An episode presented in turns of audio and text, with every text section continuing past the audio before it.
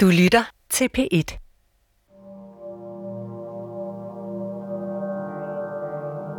Da Lisbeth Rømer i sommeren 2002 sætter sig i stolen som ny leder af udbytteafdelingen i Skat, går der ifølge hende ikke lang tid før hun opdager, at noget er galt. I forbindelse med øh, refusioner af udbytteskat, øh, var det meget hurtigt klart, da jeg trådte til i 2002, at der var et kæmpe problem.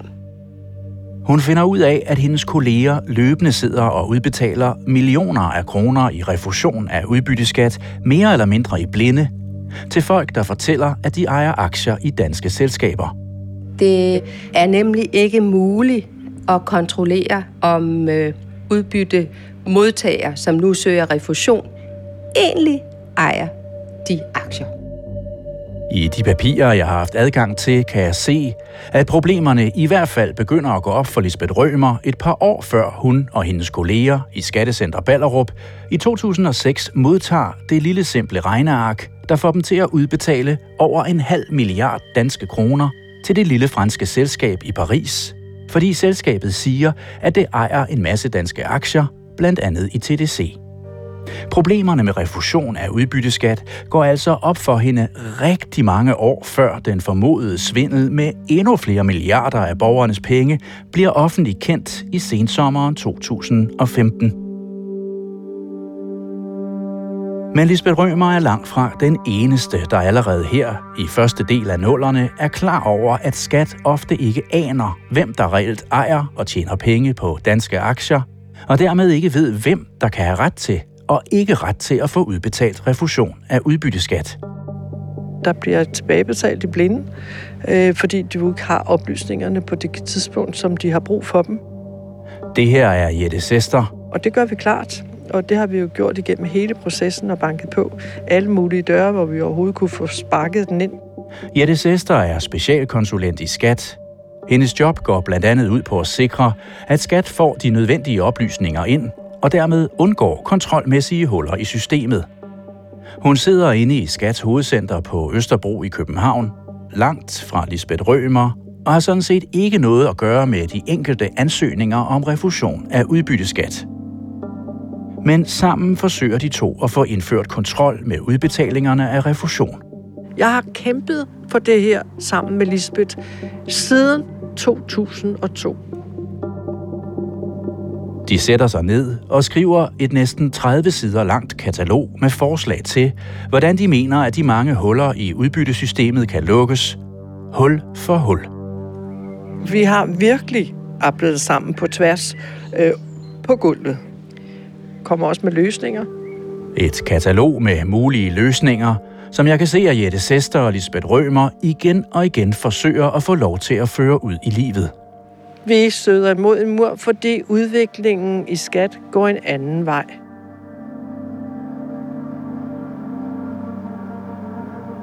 De politiske vinde i skat blæser på det her tidspunkt ikke først og fremmest mod mere kontrol, men derimod mest af alt mod at give en bedre service til aktionærerne. Hen imod at tiltrække folk med penge og gøre det attraktivt for dem at investere i Danmark – generelt så havde vi jo en, en lang periode, at alt øh, måtte ikke hedde kontrol. Øh, alt skulle hedde service, så det man skulle gøre, det var at vejlede herunder bankerne til at indberette, øh, og vi skulle ikke pålægge dem unødvendige øh, ekstra øh, ting. Det sagde vores ledelse. Men Lisbeth Rømer og Jette Sester bliver alligevel ved. Det er jo altid irriterende at øh, få blank nej. Men det stopper os jo ikke. Så vi må kæmpe videre. Og det gør vi.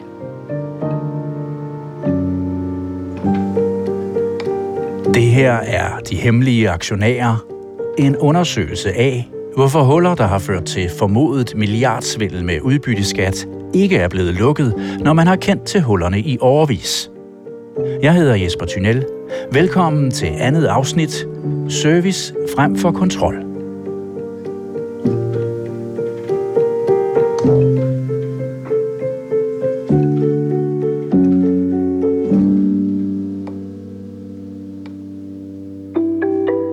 Noget af det første Lisbeth Rømer møder, da hun i 2002 kommer ind ad døren til sit nye job som leder af Skats udbytteafdeling, er presset for at udbetale penge.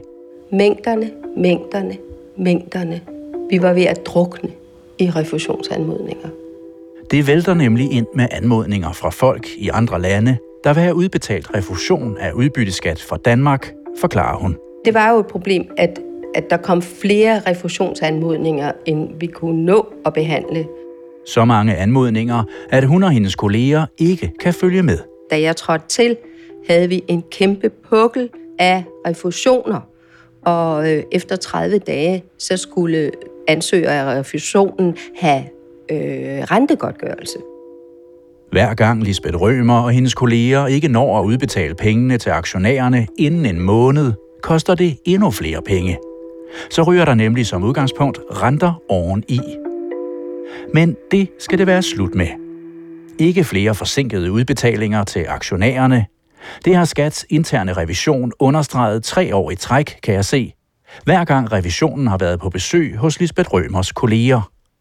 Ved sidste revisionsbesøg havde man i perioder været op til fire måneder bagud, hvilket blandt andet havde medført, at der var udbetalt 33.000 kroner i rentegodtgørelse.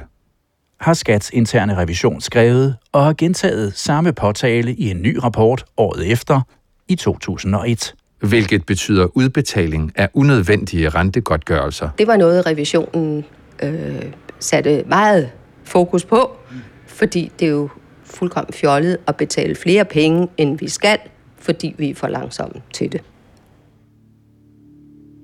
Revisionen anbefaler derfor, at man overvejer at slippe af med sagspuklerne ved at tilføre flere ressourcer, altså flere medarbejdere, til udbytteadministrationen. Men det sker ikke. For hurtigere at kunne udbetale refusion til udlændinge, der fortæller, de ejer danske aktier, og for at slippe for at betale renter, indgår skat i stedet en aftale med flere danske banker.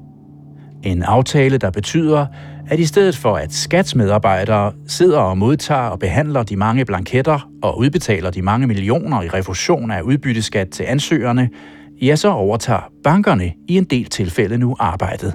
En aftale med, at bankerne sådan set lavede vores arbejde og samlede det i store øh, klumper og lavede et regneark over, hvem der skulle have hvilke øh, selskabers aktier tilbage. Bankerne taster ansøgernes aktieposter ind i regneark og sender regnearkene til skat. Og det kunne vi jo meget hurtigere administrere, og så fik banken pengene og fordelte det til sine kunder. For at løse problemet med for få ressourcer og for langsom udbetaling af refusion, indfører skat og flere banker på den måde den såkaldte bankordning, eller regnearkordningen, som den også kommer til at hedde. Den løste, at vi fik mindre arbejde. Hvis de samlede for eksempel 100 refusionsanmodninger i en anmodning, jamen så skulle vi jo ikke lave 100. Vi skulle ikke sende 100 shanks til folk. Vi skulle ikke øh, registrere det og arkivere det og alt muligt. Vi kunne nøjes med et. Det var jo en lettelse. Og bankordningen virker efter hensigten. Den sætter skub i udbetalingerne af hundredvis af millioner kroner i refusion af dansk udbytteskat. De første to aftaler med danske banker bliver allerede indgået året før Lisbeth Rømer bliver chef for udbytteadministrationen, fortæller hun, og det kan jeg også se, at hun skriver i interne dokumenter i de efterfølgende år. Så da Lisbeth Rømer har været chef for Skats udbytteadministration i bare et halvt års tid, kan hun sætte flueben ved, at de problemer, revisionen i flere år har påtalt, nu så småt er ved at være løst. Skat er ikke længere bagud med udbetalingerne af refusion, og udgifterne til renter er raslet ned – det konstaterer Skats interne revision i slutningen af 2002 efter endnu et besøg. Sager vedrørende udbetaling behandles inden for en måned, hvorfor unødvendige rentegodtgørelser er faldet væsentligt. Og det virkede, og senere fik vi jo heldigvis også andre banker med. Men bankerne gør det ikke gratis. Ordningen skal helst medføre, at bankerne bedre kan servicere deres kunder, aktionærerne. Som en slags betaling for bankernes arbejde giver skat nemlig bankerne mulighed for at tilbyde aktionærerne, at de hurtigere kan få udbetalt de mange penge i refusion af udbytteskat, hvis de er kunder hos dem. Meget hurtigere, end hvis kunderne selv sender blanketterne ind til skat. Som modydelse for pengeinstitutternes arbejde bestræber udbytteskatteadministrationen sig på at refundere de ønskede beløb inden en uge fra modtagelsen af regnearket i elektronisk form. Det skriver Lisbeth Rømer senere i et internt notat, der også kan forklare, hvordan det nu pludselig kan gå så stærkt. Regnearket sendes som mail til udbytteskatteadministrationen, som på grundlag heraf anviser de ønskede beløb. Den nye service til aktionærerne har altså en pris. Den kræver, at skat som udgangspunkt straks anviser bankerne de penge, de ønsker. Godt nok har Lisbeth Rømer og hendes kolleger hovedsageligt kun kontrolleret, om dem, der vil have refusion, overhovedet har udfyldt og fået attesteret papirerne korrekt. Men selv denne helt basale kontrol af formalia overgår altså nu i en del tilfælde til bankerne. Inde i Skats hovedcenter på Østerbro i København får det Jette Sester til at spærre øjnene op. Vi kan jo kun konstatere, at bankordningen pludselig bliver, bliver en realitet, hvor man set med kontroløjne kigger og siger, det gjorde jeg bare ikke. Så mister du, du selv ligesom ser på papirerne. Det lægger vi ud til pengeinstitutterne. For når ansøgningerne om refusion går gennem bankordningen, er det som udgangspunkt nu kun banker, der ser blanketter og bilag igennem. Og i nogle tilfælde kun banker, der opbevarer og ligger inde med dokumenterne, med mindre skat helt undtagelsesvist beder om at få papirerne udleveret. Vi havde aftalen, at hvis vi havde behov for det, skulle banken inden for 14 dage fremsende dokumentationen til os. Men det sker stort set aldrig. Kun to gange i løbet af de år, bankordningen eksisterer, beder skat angivelige banker om at få lov at se, om de har indtastet oplysningerne korrekt. De banker, der indgår i bankordningen, har heller ikke nødvendigvis dokumenterne. Det har i nogle tilfælde kun de udenlandske banker rundt omkring i verden, der på vegne af deres kunder kræver dansk udbytteskat retur. I de tilfælde er det kun de udenlandske banker, der ser papirerne, indtaster navnene og tallene i et simpelt regneark, lægger beløbene sammen og sender regnearket afsted til en bank i Danmark, der så endelig sender regnearket til skat. Det kan jeg se i de dokumenter, jeg har haft adgang til. Og det er på det grundlag, at skat udbetaler de mange penge til en dansk bank, der så sender pengene videre til banker rundt omkring i verden, der igen sender dem videre, indtil pengene når frem til dem, der har bedt om at få udbetalt refusion af udbytteskat fra den danske statskasse. Det var ikke jer, der sad og holdt øje, nu var det bankerne. Når vi ser, hvor meget vi baserer i vores skattesystem på bankernes indberetning, så bliver vi nødt til at tro på dem. Sådan er det.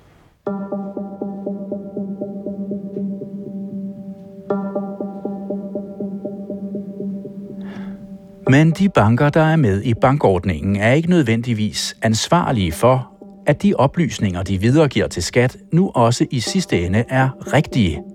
Heller ikke selvom der i nogle af aftalerne er gjort forsøg på at stille dem til ansvar. Bankerne fungerer i nogle tilfælde primært som en slags postbude, der er ansvarlige for at viderebringe brevene korrekt, men ikke nødvendigvis for, om det, der står i brevene, nu også er sandt. Bankerne står altså ikke altid til regnskab for, at dem, de kræver millioner af kroner udbetalt til, nu også har ret til at få pengene, forklarer Lisbeth Rømer. De indestod for, at de oplysninger, de nu reagerede på, at dem havde de modtaget. De kunne ikke indestå for, at de var sande. Det, kunne banken ikke. I dokumenterne kan jeg se, at bankerne i flere tilfælde også selv gør skat udtrykkeligt opmærksom på, at de ikke mener, at de er ansvarlige for, at de oplysninger, de videregiver, er sande. Så stort set har vi jo bare lagt noget ud til pengeinstitutterne, og så siger vi, okay, vi håber ikke, der er problemer med det. Og det synes jeg ikke er, i orden. Det gør Jette Sester også klart over for Lisbeth Rømer ude i udbytteadministrationen, forklarer hun. Og det bekræfter Lisbeth Rømer. Men her skinner det måske igennem, at de to kolleger sidder med hver sit ansvar. Som leder af Skats udbytteadministration har Lisbeth Rømer ansvar for, at pengene bliver udbetalt til tiden. Det er ikke nødvendigvis Jette Sesters ansvar i det job, hun har inde i Skats hovedcenter på Østerbro. Derfor er det også Lisbeth Rømers og ikke Jette Sesters navn, der står på flere af de aftaler, som Skat efterfølgende underskriver med de i alt fire danske banker, der med tiden kommer med i bankordningen, blandt andet i kølvandet på de første store nedskæringer i skat. De er presset åbenbart, altså de kan ikke nå det, de kan ikke nå at, at behandle sagerne omkring øh, refusionerne inden for den frist, der er. For Lisbeth Rømer er bankordningen således nødvendig for, at hun og hendes kolleger i udbyttet administrationen kan overleve med de begrænsede ressourcer, de har, forklarer hun, når hun bliver forelagt den kritik, der er internt af bankordningen. Deler du den kritik af bankordningen her? Hvis ikke vi havde bankordningen, ville vi overhovedet ikke kunne foretage de refusioner. Så det var simpel nød. Vi var ikke folk nok til at kunne løfte opgaven. For at aktionærerne hurtigere kan få deres penge, sådan som intern revision har påpeget, at de bør, bliver Skats kontrol med udbetalingen af refusion af udbytteskat således på flere punkter nu endnu mindre. Lisbeth Rømer og hendes kolleger bogfører heller ikke længere de mange udbytterefusioner, der går gennem bankordningen. De bogfører nu kun summerne, fremgår det af papirerne. Og selvfølgelig kan det medføre, at man måske udbetaler to gange øh, til den samme, øh, når det gemmer sig i en stor sum. Så øh, vi var ikke glade for bankordningen. Fordi ja. det skjuler jo bare de problemstillinger, som vi har i forvejen med nomini og, og, og fælles depoter. Og nu bliver kontrollen jo bare sat i summer. Det er vanskeligere øh, at kontrollere.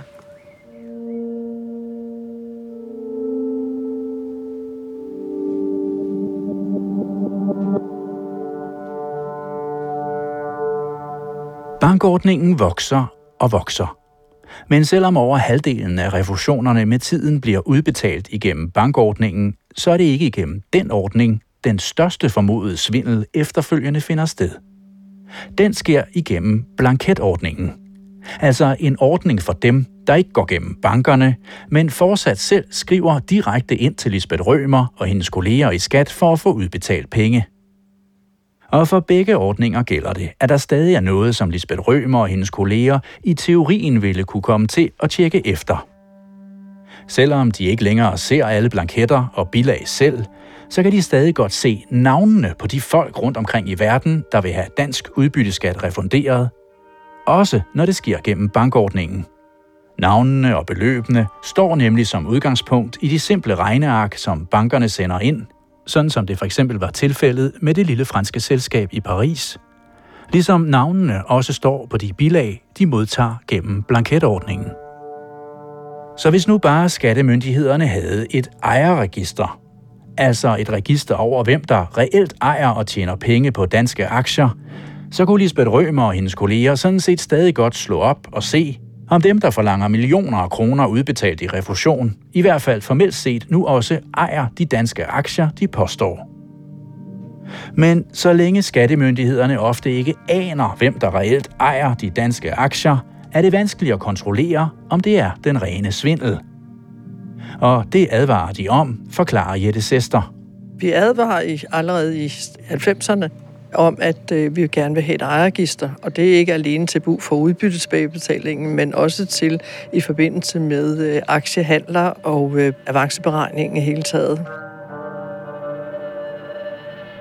Kampen om at få at vide, hvem der ejer og tjener penge på de danske aktier, går således langt tilbage i tiden. Det kan jeg se i flere rapporter fra den gang. Et embedsmandsudvalg offentliggør for eksempel i 1999 en rapport om generel bekæmpelse af økonomisk kriminalitet mod det offentlige, hvor et løbende opdateret register over hvem der ejer aktier i danske virksomheder står højt på ønskelisten. Altså hvem der reelt ejer aktierne, skriver embedsmændene i rapporten. For at forebygge og imødegå såvel kendte som nye former for økonomisk kriminalitet mod det offentlige, vil det være af afgørende betydning, at myndighederne har adgang til oplysninger om de reelle ejere, ikke stråmænd eller nominee. Nominee er som sagt betegnelsen for en type aktiedepoter, der skjuler de egentlige aktieejeres navne for omverdenen og for skattemyndighederne. Og nominidepoter bliver altså allerede her i 90'erne fremhævet som et problem, der ideelt set bør ryddes af vejen. I hvert fald, hvis man vil kontrollere, om dem, der tjener penge på aktier, nu også betaler den skat, de skal.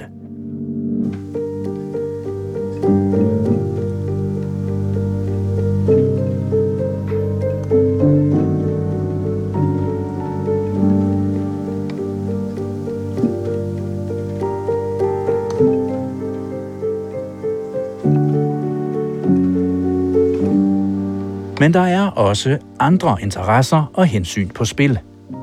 Allerede i rapporten her fra 1999 påpeger embedsmændene noget, der senere bliver en af grundene til, at man ikke bare lige lukker hullerne i systemet, nemlig hensynet til aktionærerne.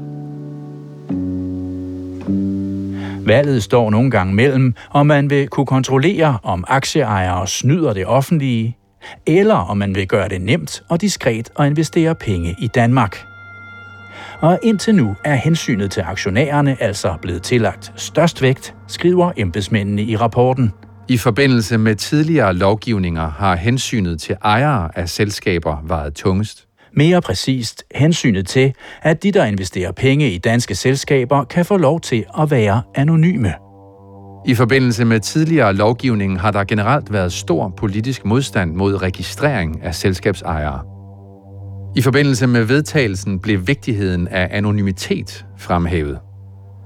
Særligt i forbindelse med bibeholdelsen af nominee-reglerne er der indgået en del politiske kompromiser. Men her er der altså noget, man ikke rigtig har taget hensyn til, påpeger embedsmændene.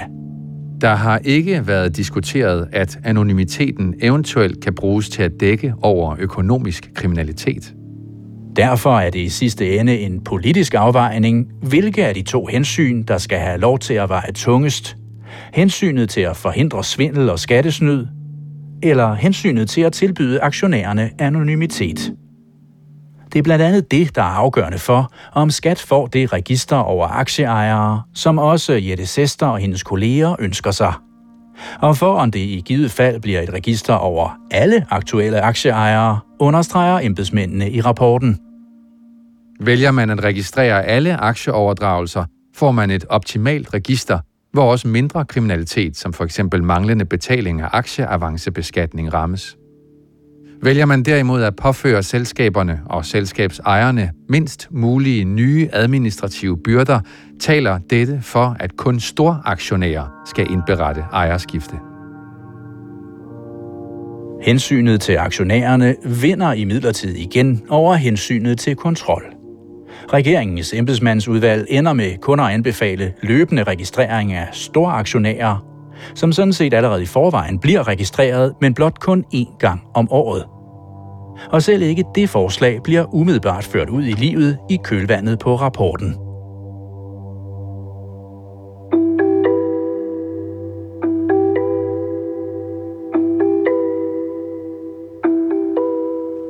Mange aktionærer er derfor fortsat hemmelige, og de modsatrettede hensyn ændrer sig ikke grundlæggende, som tiden går. Det kan man læse igen to år senere, da embedsmændene i en nordisk arbejdsgruppe i 2001 påpeger, at en af fordelene ved de her nominidepoter netop er, at de kan tiltrække investorer, der gerne vil være anonyme, men at det til gengæld også har sine ulemper. En større grad af anonymitet kan af forskellige grunde opfattes som positivt blandt enkelte investorer. Hensynet til effektiv skattekontrol kan tale imod. Når det mere specifikt handler om aktieudbytte, så vedtager et flertal i Folketinget godt nok i juni 2001 en pligt til at indberette navnene på visse personer året efter de har modtaget udbytte af deres børsnoterede aktier. Men det gælder langt fra alle aktionærer, og slet ikke for aktier i nomini- og omnibusdepoter. Og de nye regler gør stadig ikke skats medarbejdere klogere på, om dem de i løbet af året udbetaler millioner af kroner til i refusion af udbytteskat, nu også reelt ejer de aktier, de påstår. For Jette Sester er problemet derfor stadig det samme. Hensynet til effektiv kontrol bliver stadig fundet for let, i forhold til hensynet til at kunne lade aktieejere bruge depoter, hvor de kan skjule sig og være anonyme. Vi startede med at gerne ville have et ejerregister øh, for at vi netop kunne se og også komme det her nomini til livs. Og det er jo, at du ikke øh, kan se, øh, hvem der reelt er ejer af aktien. Og det har jo altid været en, en, en bed for os, fordi vi ved jo aldrig, hvem slutkunden er.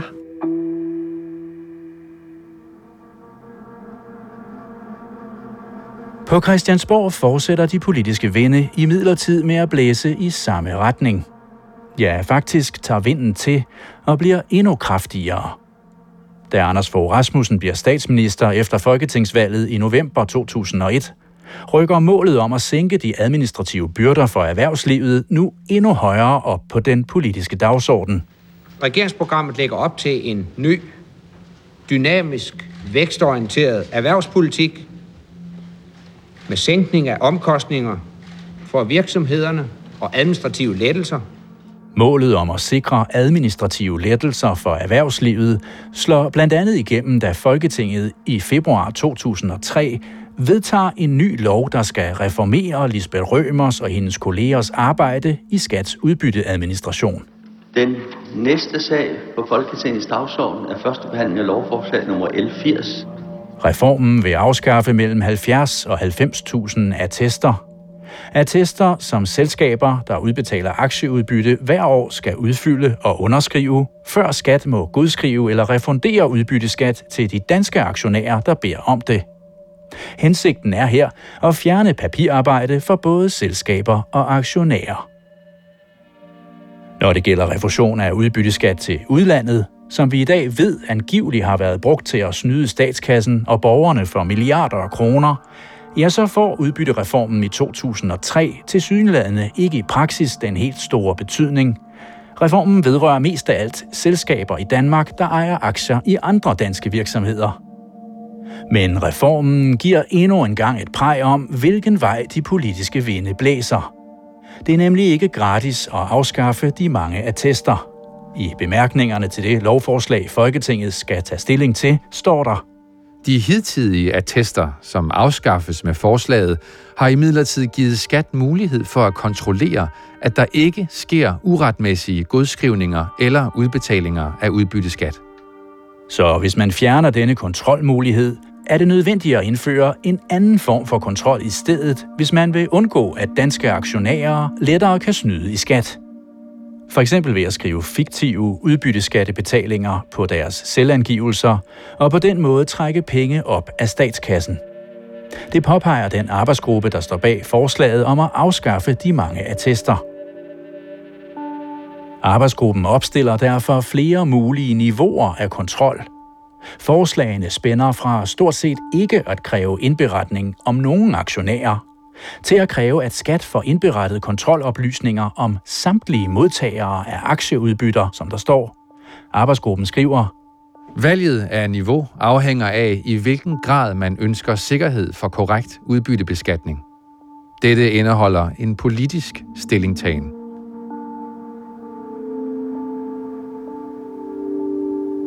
Men i det lovforslag, som Folketinget ender med at skulle stemme om, ja, der vælger man også denne gang politisk at fritage en del af aktionærerne fra at få deres navne, CVR og CPR-numre og aktiebeholdning indberettet til skat. Blandt andet efter henvendelser fra den finansielle sektor.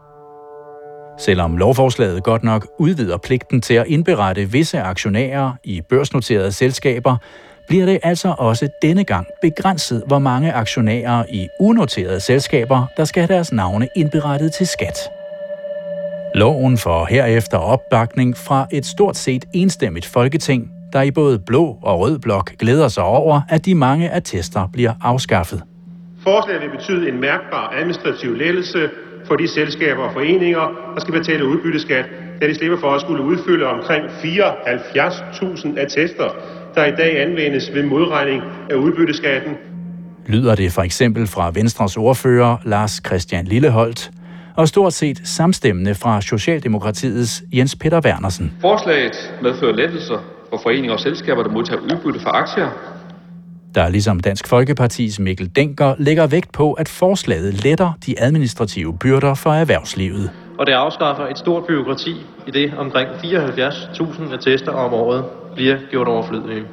Det er især blandt de udbyttemodtagende selskaber, at den administrative byrde lettes. Herefter stemmer i hvert fald en del af Folketinget med åbne øjne for at afskaffe de mange attester og erklæringer, velvidende at det system, der bliver sat i stedet, ikke nødvendigvis er vandtæt. Så går vi til afstemning om lovforslagets endelige vedtagelse. For inden et næsten enstemmigt Folketing trykker på stemmeknapperne og vedtager reformen, for SF, der også stemmer for, skrevet en kommentar ind i betænkningen over lovforslaget, som de andre partier også kan læse, før de stemmer. Samtidig står det klart, at kontrollen af udbyttebeskatningen er og fortsat vil være meget svag, og at der derfor er stor risiko for spekulation og skattesvindel. For lovforslaget stemte 110, to stemte imod, og ingen hverken for eller imod lovforslaget er vedtaget og vil nu blive sendt til statsministeren.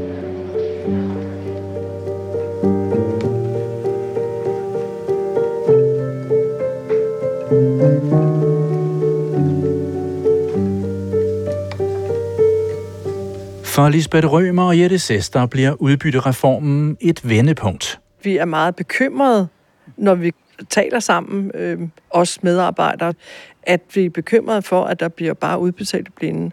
Da reformen træder i kraft den 1. januar 2004, mister Lisbeth Rømer og hendes kolleger i udbytteadministrationen nemlig samtidig en del af IT-systemet 3S, som de indtil da har brugt til at registrere indbetalingerne og refusionerne af udbytteskat til både Danmark og udlandet. Man dropper øh, en systemfunktion øh, i det daværende 3S-system, som man slet ikke øh, overhovedet næsten kan følge med i, hvor meget der er refunderet. Og det er udbytteadministrationen ved Lisbeth Rømer meget øh, utilfreds med, og det er vi sådan set også som kontrol. Jeg sidder i kontrolkontoret på det tidspunkt. Og da man så ligesom øh, flytter øh, selve udbytteregistreringerne over i noget, man kalder i et regnskabssystem, jamen så advarer vi i, i øh, toppen af vores ledelse om, at, at det er en dårlig idé. Vi vil gerne have de her registreringer tilbage igen til de synlige og ikke bliver gemt. For Lisbeth Rømer og hendes kolleger ude i Skattecenter Ballerup betyder tabet af en del af IT-systemet 3S, at de mister selv de spinkle muligheder, som systemet indtil da har givet dem, for i det mindste at opdage, hvis en eventuel svindel med udbytteskat bliver så voldsom og omfattende, at de udbetaler flere penge i refusion, end de overhovedet har fået ind. Derfor sætter Lisbeth Rømer sig i november 2004 og skriver et brev til Skats ledelse. Et brev, hvor i hun advarer om den manglende kontrol på området. Et brev, som hun ikke er den eneste, der skriver under på. Hendes øverste chef, regionschefen, står på sidste side nu også som afsender af brevet, som de sammen sender ind til en underdirektør i Skats hovedcenter på Østerbro i København. Udbytteskatteadministrationen vil med dette brev henlede opmærksomheden på kontrolproblemer, som er erfaret i det daglige arbejde. Forhåbentlig kan det virke inspirerende på fremtidige kontroltiltag. I det materiale, jeg har haft adgang til, er det her fem sider lange brev fra 2004 det første, hvor jeg kan se, at Lisbeth Rømer sort på hvidt advarer om, at kontrolmulighederne i systemet er så dårlige, at hun mener, at det er umuligt for hende og hendes kolleger at forhindre svindel med refusion af udbytteskat. Særligt efter tabet af selv den spinkle kontrol, der lå i IT-systemet 3S, påpeger hun. Kontrollens formål er at opdage og indkredse eventuelt misbrug af refusionsordningen. Efter beslutningen om ikke at registrere i 3S, vides ikke, hvorledes svig tænkes imødegået systemmæssigt.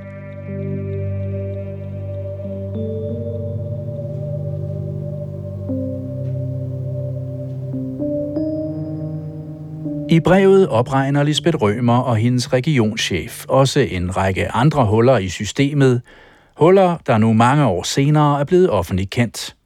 For eksempel det problem, at Lisbeth Rømer og hendes kolleger ikke kan kontrollere, om nogen kræver udbytteskat refunderet mere end én gang for hver aktie. I det her tilfælde på grund af den manglende registrering af de udbetalinger, der går gennem bankordningen, eller regnearkordningen, som den også kaldes. Der er ingen kontrol med, om refusion sker både over regneark og papiransøgning sendt direkte til udbytteskatteadministrationen. Ligesom de to for eksempel også påpeger problemerne med at kontrollere, om det er de reelle ejere, Lisbeth Rømer og hendes kolleger, refunderer udbytteskat til, eller om det er bare nogen, der har lånt aktierne og derfor slet ikke har krav på pengene. Refusion af udbytteskat til en konkret bank i Frankrig er vokset eksplosivt. Der kunne være tale om aktieudlån. Så når man søgte om refusion, havde vi ingen steder, vi kunne gå hen og se, om det forholdt sig, som de sagde. Det var i blinde. Vi kunne ikke vide, om det var rigtigt. De her problemer gør Lisbeth Rømer og hendes regionschef altså opmærksom på i deres brev til Skats ledelse i 2004. Allerede to år før det lille franske selskab i Paris kræver over en halv milliard danske kroner refunderet i udbytteskat, og får det. Og mere end 10 år før udbytteskandalen kommer offentligt frem, og der for en tid endelig bliver sat en stopper for udbetalingerne af de mange milliarder danske skattekroner til folk i andre lande.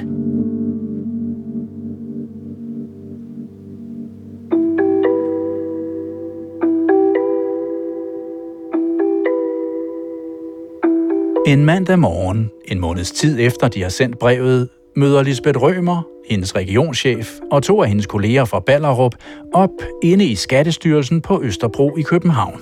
Vi kommer fire fra Ballerup på mandag kl. 9. Her er et schema over administrative problemer. Måske kan I hjælpe med at få dem løst. På mødet i Skats hovedcenter bliver det nu besluttet at nedsætte en hurtigarbejdende gruppe. Så bliver der nedsat en arbejdsgruppe. Med Lisbeth Rømer som formand og 10 andre medlemmer fra forskellige dele af Skat. Efter en række møder i arbejdsgruppen kan jeg se, at Lisbeth Rømer og Jette Sester sammen i marts 2005 skriver et 19 sider langt notat, hvor i de ikke bare beskriver nogle af hullerne i kontrollen med indbetaling og refusion af udbytteskat, men nu også kommer med forslag til, hvordan hullerne kan lukkes. Et af de mange problemer, de gør opmærksom på, er det, at danske selskaber og banker først skal fortælle skat, hvem de har udbetalt aktieudbytte til, året efter, at pengene er udløjet og sendt afsted. Altså først når Lisbeth Rømer og hendes kolleger allerede har udbetalt de mange penge i refusion af udbytteskat, og det derfor er for sent.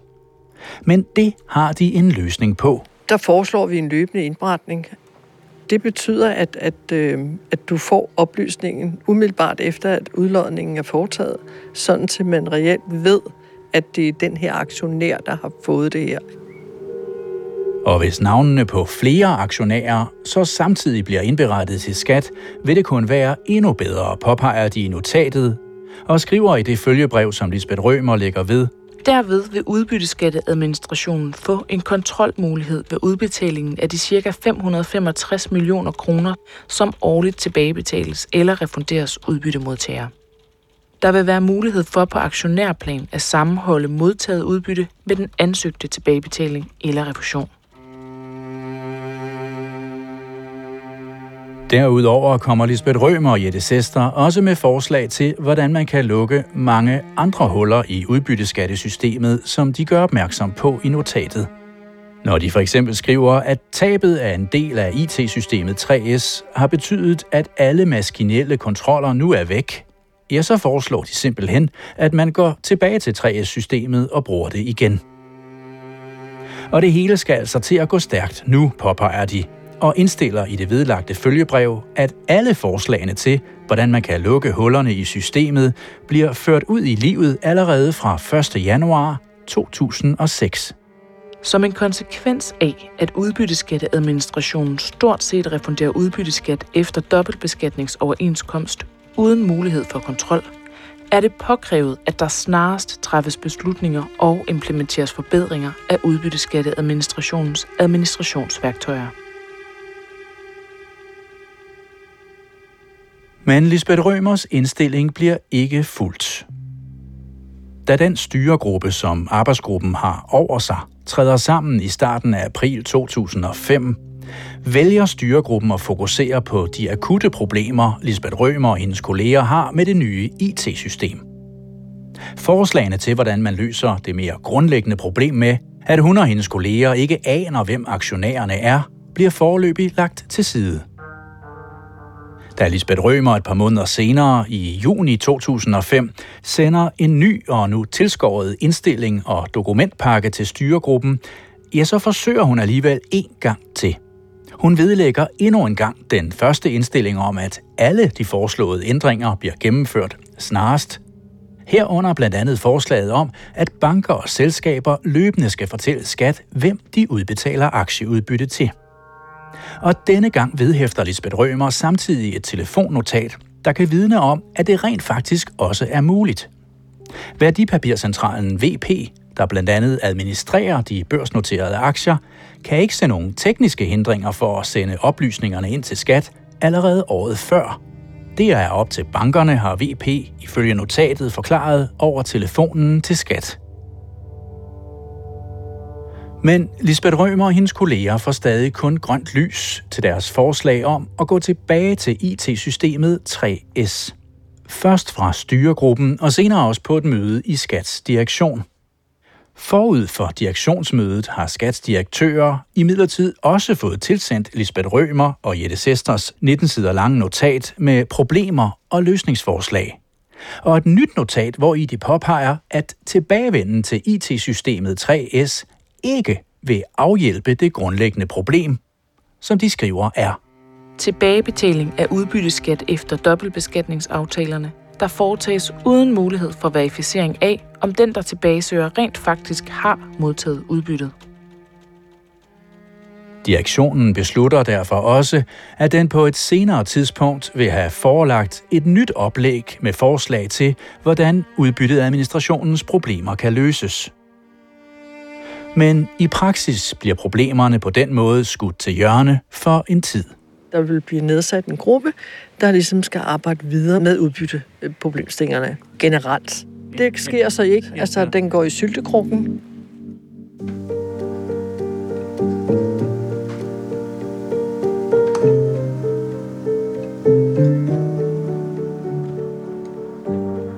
De politiske vinde blæser i det hele taget fortsat i en anden retning end den Lisbeth Rømer og Jette Sester foreslår. Det står ikke ligefrem øverst på regeringens dagsorden og indføre flere og hurtigere indberetninger om de aktionærer, der ejer aktier i danske virksomheder. Den næste sag på Folketingets dagsorden er første behandling af lovforslag nummer L78, i efteråret 2005 fremsætter regeringen et lovforslag, der skal tiltrække flere aktionærer og mere kapital til danske virksomheder, ved skattemæssigt at gøre det mere enkelt og attraktivt at investere penge i danske aktier. Det her lovforslag er med til at styrke kapitalgrundlaget for dansk erhvervsliv. En af de vigtige måder at få den kapitaltilførsel, det er ved at skabe og gå på børsen og lave en aktieemission, ved at få klare og regler for aktierne, ja, så er man faktisk med til at skabe grundlaget. Og derfor er det her lovforslag med til at skabe grundlaget for et stærkt dansk erhvervsliv, der er med til at skabe grundlaget for endnu flere arbejdspladser. Forklarer skatteminister Christian Jensen fra Venstre. Lovforslaget bygger på en betænkning, som en arbejdsgruppe under Skatteministeriet har lavet, men regeringen følger igen kun en del af arbejdsgruppens forslag, nemlig primært de forslag, der gør det skattemæssigt lettere og enklere at eje aktier. Arbejdsgruppens forslag om til gengæld at styrke skattemyndighedernes kontrol vil samtidig at indføre en ordning, hvor alle køb og salg af børsnoterede aktier og al betaling af udbytteskat herfra skal indberettes til skat. Den del af pakken vælger regeringen ikke at tage med. Regeringen dropper den anbefalede kontrol, fordi ordningen, som ministeren skriver, vil være meget byrdefuld for aktionærerne, og at den i forhold til nytten for aktionærerne og skat vil kræve uforholdsmæssigt store indberetningsbyrder for den finansielle sektor. Altså for de banker, der opbevarer de mange aktier, som ligger i dansk depot.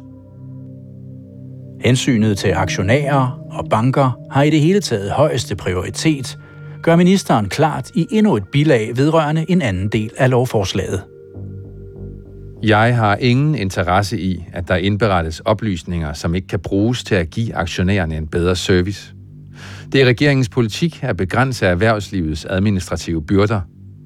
Jeg vil derfor ikke pålægge den finansielle sektor yderligere indberetningspligter, som ikke står mål med forbedringerne af servicen over for aktionærerne. Der stemmes om lovforslagets endelige vedtagelse, og der kan stemmes. Et flertal af Folketingets medlemmer trykker herefter ja til lovforslaget. Afstemningen slutter. Og vedtager det kort før jul 2005. 72 stemte for, 38 imod, ingen hverken for eller imod. Lovforslaget er vedtaget og nu bliver sendt til statsministeren.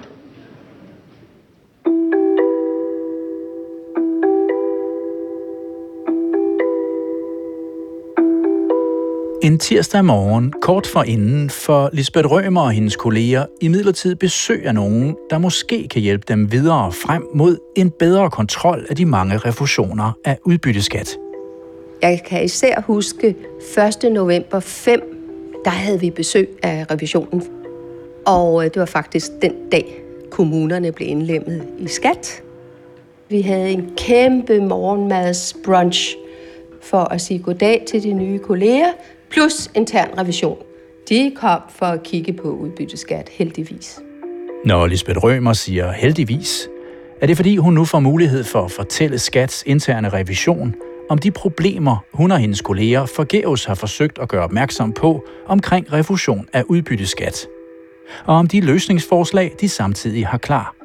Der var ikke meget lydhørhed i skat over for vores problemer, men intern revision ville meget gerne i deres papirer skrive om de problemer, vi havde. Derfor giver hun nu også intern revision det 19 sider lange notat fra marts 2005, hvor i hun og Jette Sester beskriver både problemer og løsningsforslag. Og hun fremhæver særligt et af de mere paradoxale problemer, de skriver om i notatet. Nemlig det forhold, at Lisbeth Rømer og hendes kolleger i nogle tilfælde refunderer millioner af kroner i udbytteskat, inden skatten overhovedet er blevet betalt.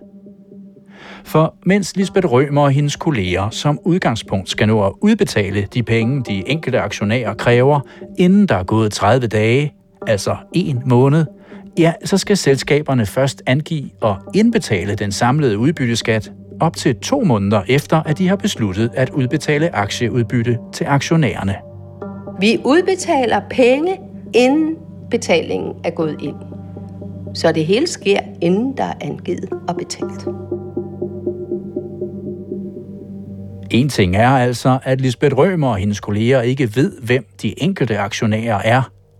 De kan heller ikke nødvendigvis slå op i deres systemer og se, hvilke selskaber, der overhovedet har udløjet aktieudbytte og betalt udbytteskat. Og alligevel tilbagebetaler de millioner af skattekroner til dem, der skriver, at de ejer aktier i danske selskaber. Altså rent forståelsesmæssigt og systematisk er det jo lidt tåbeligt at have en regel, som tillader, at man tilbagebetaler noget, man endnu ikke har modtaget. Skat har ikke modtaget det endnu, men man refunderer det alligevel. Ja. Og det var et paradoks i de regler, vi havde. Det lytter intern revision der også til. Revisionen lægger blandt andet vægt på det her paradoks, da den et par måneder senere, i januar 2006, afleverer sin revisionsrapport om udbytteskat og stiler den til Skats øverste direktør. Intern revision konstaterer, at selve sagsbehandlingen bliver tilfredsstillende udført og roser administrationen for at have gjort opmærksom på de mange problemer, men tilføjer samtidig. Det er ikke tilfredsstillende, at det i visse situationer er muligt for modtagere af udbytte at få udbetalt udbytteskat, selvom der ikke til skat er indbetalt den indeholdte udbytteskat. Og øh, det kommer så til at fremgå af rapporten, at øh, vi ikke kan kontrollere det. Det fremgår af udbytteadministrationens notat af 16. marts 2005, at ændring heraf kræver lovændring. Intern revision peger på, at der er nogle lovregler, som der skal ses efter i sømne.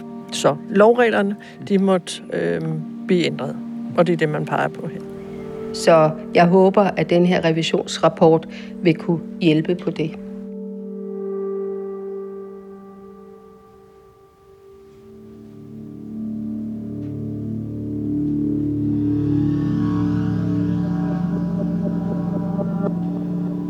Men Lisbeth Rømers og Jette Sesters nye håb lever ikke længe. Der skal til synlædende mere til, før Skats ledelse banker på døren i Skatteministeriets departement og overtaler ministeren til at få vedtaget nye regler der går imod de politiske vinde og kræver flere og hurtigere indberetninger til skat om, hvem der ejer og tjener penge på danske aktier.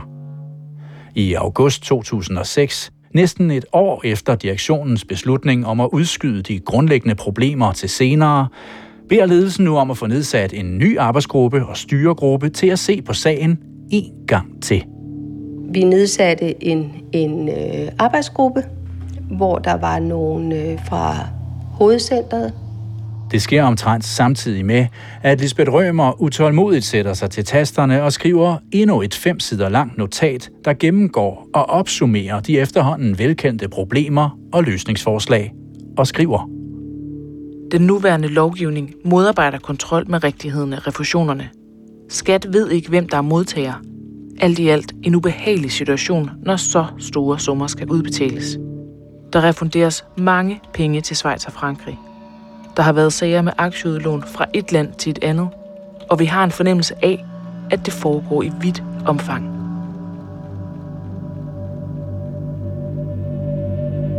Og så sker det, blot en måned senere.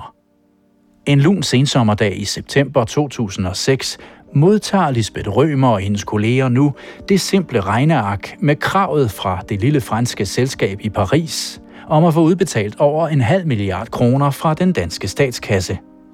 Blandt andet med henvisning til, at selskabet skulle eje over halvdelen af alle verdens frie aktier i televirksomheden TDC. Lisbeth Rømer skriver nu endnu en gang til Skatsdirektion og påpeger, at hun og hendes kolleger ikke kan kontrollere, om det nu også er rigtigt, hvad det lille franske selskab siger. Og gør det nu helt klart for direktørerne, at dørene ind til statskassen med borgernes penge fortsat står åbne for eventuelle udbyttesvindlere, så længe man vælger at holde hemmeligt for skat, hvem der ejer de danske aktier. Det er et spørgsmål, hvor længe Danmark kan tillade et system, hvor man kan skjule sin identitet i forbindelse med aktieudladninger, og derved kan sikre sig en refusion, som egentlig ikke er efter lovgivningen.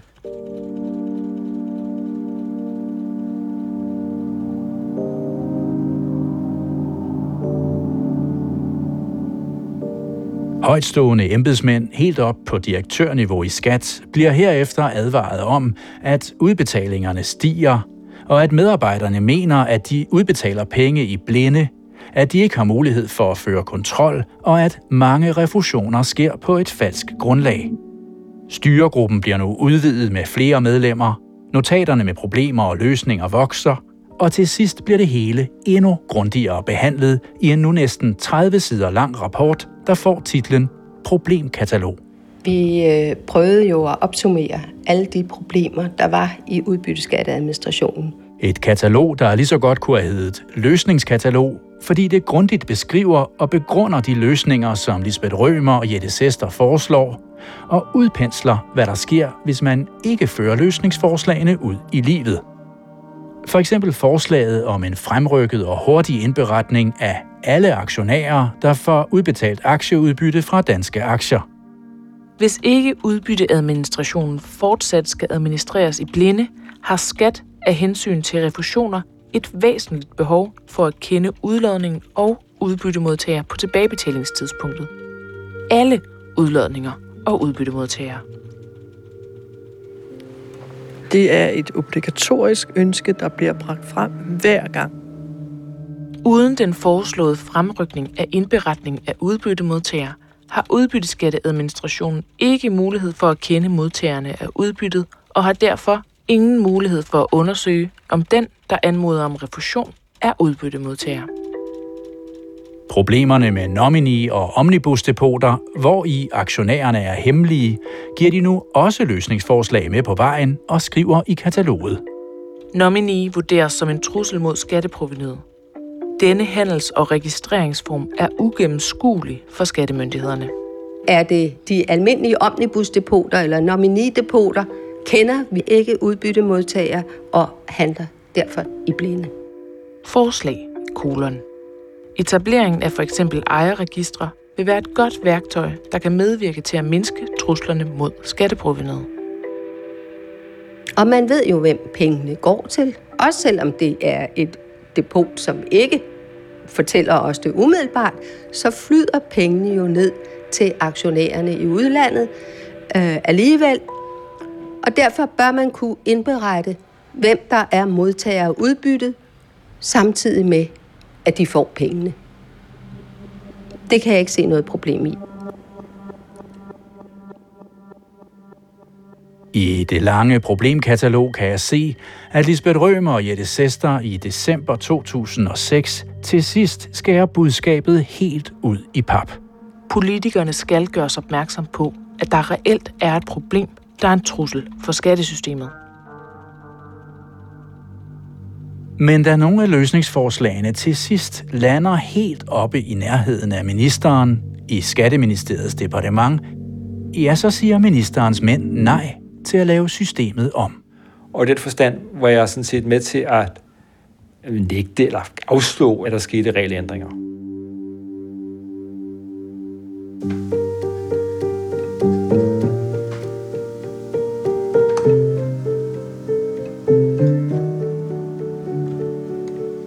Det her er De Hemmelige Aktionærer. Du har lyttet til andet afsnit, Service frem for kontrol. Signe Manstotter har klippet og komponeret musik sammen med Marie Killebæk. Jens Wittner er redaktør. Karen Damsgaard Sørensen og Alberte Sacco har været i redaktion. Morten Runge har indlæst citater. Og jeg har tilrettelagt og skrevet manuskript. Mit navn er Jesper Thynel.